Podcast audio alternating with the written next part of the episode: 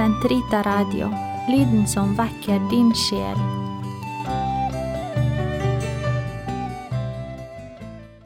Å være katolsk prest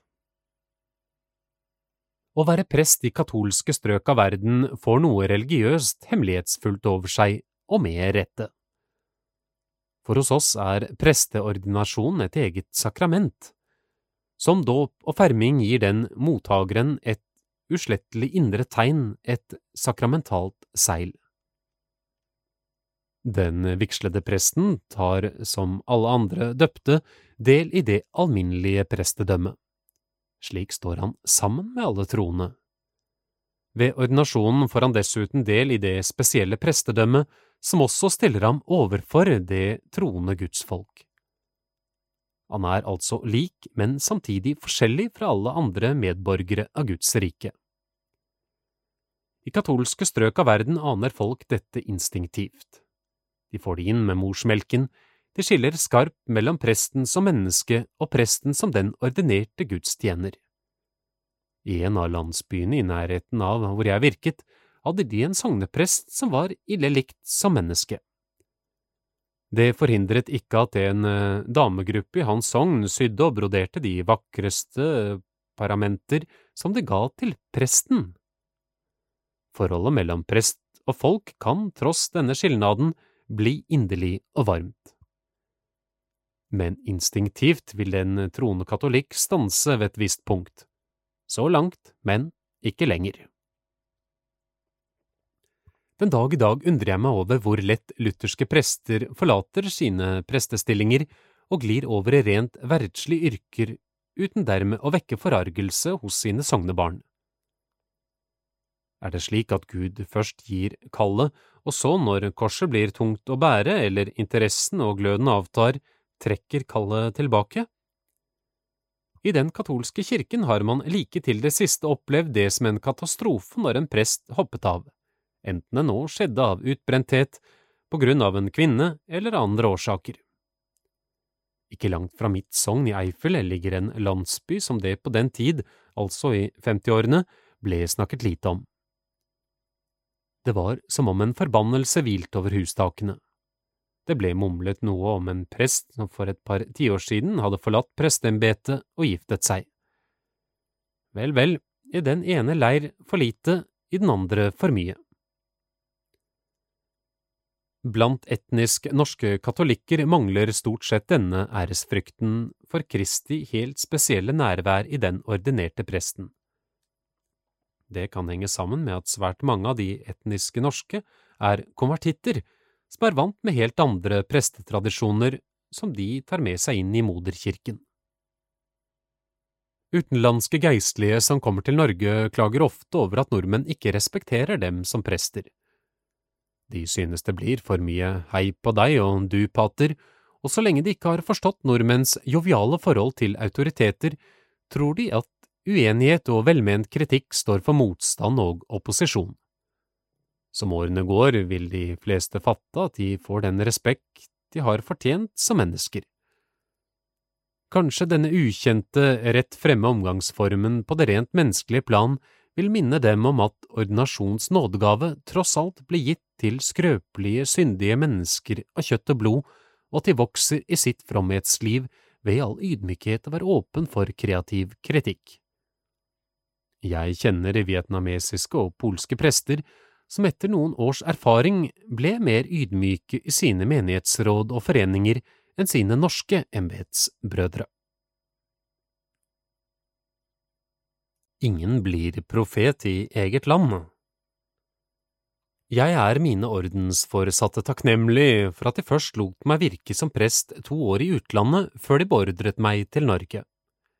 I mine to landsbyer i Tyskland ble jeg fortrolig med vanlig, tradisjonell sjelesorg blant fødte katolikker. Dessuten ble jeg inderlig glad i tyskere, noe som var helt avgjørende for mitt fremtidige presteliv.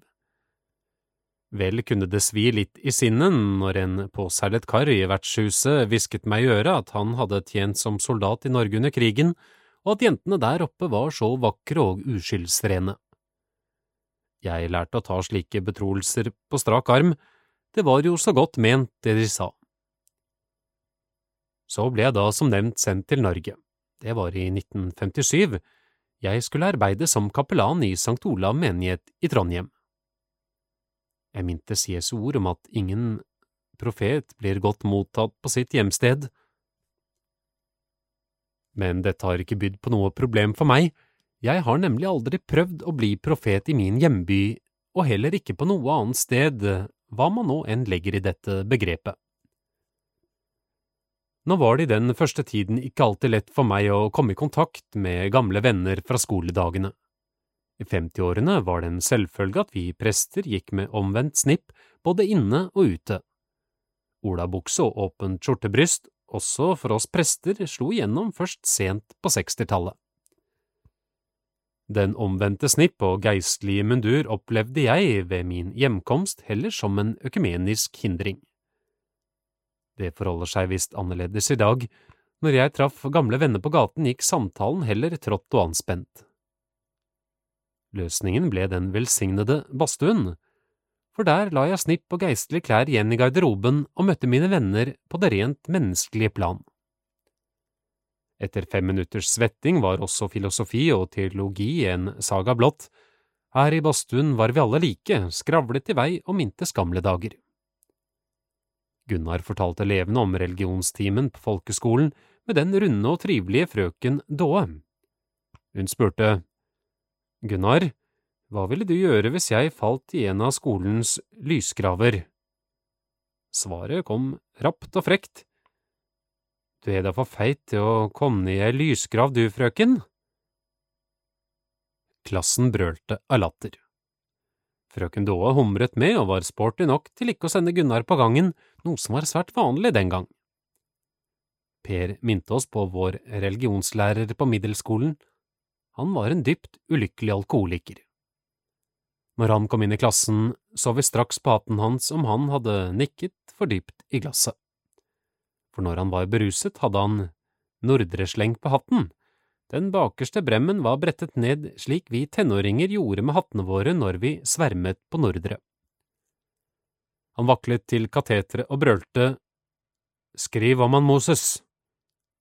Det skjedde tallrike ganger, uten at min beundring for den ydmyke ørkenprofeten har lidd skade av den grunn.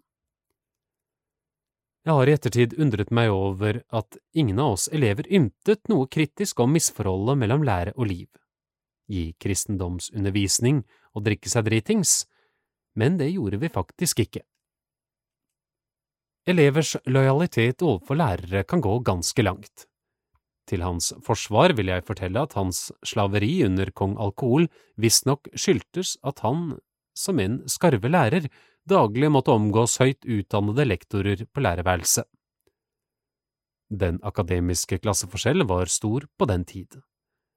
Senere fikk vår religionslærer stilling som overlærer ved en folkeskole og ble tørrlagt på et blunk. Vi har hittil vært innom økumenikk på det rent ytre plan. Store deler av det norske folk forveksler ordet med økonomi, så det faller fort av lasset når samtalen kommer inn på forholdet mellom kristne trossamfunn. Men for fortsatt å bevege oss på økumenikkens overflate vil jeg hevde med skråsikker overbevisning at hvitløk er tvers igjennom antiøkumenisk. Jeg elsker smørbrød bestrødd med hvitløk, først et lag med smør, så to båter med oppakket hvitløk, sist noen tykke skiver med hvitost. Nærmere kommer en ikke et himmelsk måltid. Men smak og behag lar seg som bekjent ikke diskuteres. Etter et herlig måltid med hvitløkssmørbrød tok jeg en gang del i en økumenisk sammenkomst i utkanten av Trondheim. Protestanter og katolikker satt benket rundt et langbord. Ved min venstre side satt en aldrende luthersk prest. Han oppførte seg påfallende uhøflig, syntes jeg. Hver gang jeg snakket med ham, dreiet han hodet i motsatt retning av der jeg satt. Det var også lite sammenheng i det han pliktskyldig hadde å si meg, så gikk det ikke bedre til enn at han reiste seg og fant seg en annen plass ved bordet. Det var noen han absolutt måtte snakke med. Først senere forsto jeg sammenhengen. Den arme presten var på ingen måte belemret med katolsk fobi. Skylden var min, jeg hadde tåkelagt den fromme geistlige med en sky av hvitløk. Jeg burde ha visst bedre, for selv hadde jeg jo opplevd det samme, men under helt andre omstendigheter i Tyskland. Mine sognebarn i min landsby Eifel åt hvitløk av hjertens lyst, når de så gikk inn i skriftestolen for å bekjenne sine tilkortkommenheter, sendte de en voldsom stank av hvitløk gjennom gitteret, så mitt arme hode ble helt tullerusk. Med disse erfaringer som bakgrunn vil jeg si til mine prestekolleger på begge sider av konfesjonsgrensen. La hvitløken ligge urørt i kjøleskapet når du begir deg til økumeniske sammenkomster. Prestemat Hvitløk til tross, når sant skal sies, er jeg ingen kokk av Guds nåde. Det må jeg bare innrømme.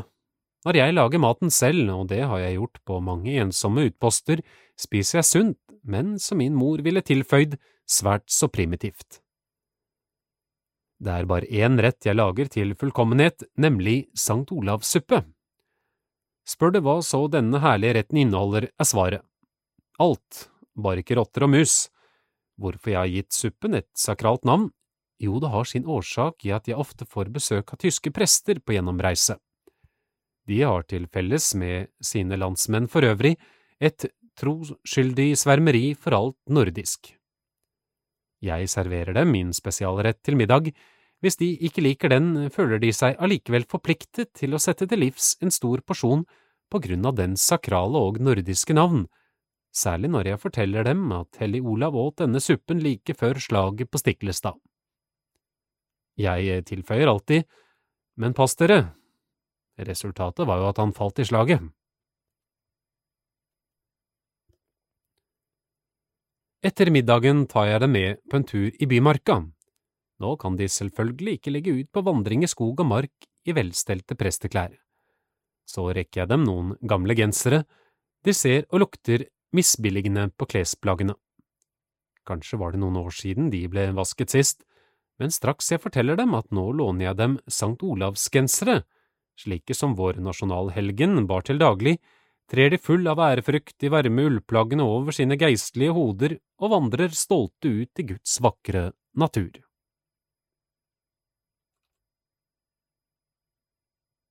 Prestebolig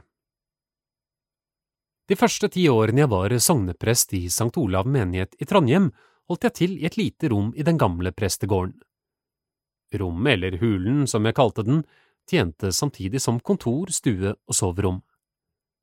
Veien til toalett og dusj var lang og kronglet, om vinteren var det styggelig gulvkaldt på rommet, for det hvilte på den nakne jord, manglet kjeller men et par skaller som noen samer hadde gitt meg under vinterfelttoget i Finnmark, beskyttet mot kalde føtter.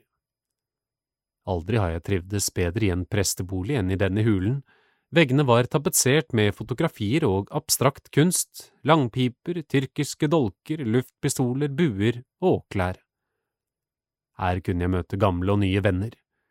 En rekke kirkefremmede gymnasiaster og studenter stakk innom etter skoletid. Her kunne de patte på pipa, dyrke vinkultur og løse all verdens problemer. Få av dem var katolikker, så jeg voktet meg vel for å bombardere dem med katolsk propaganda.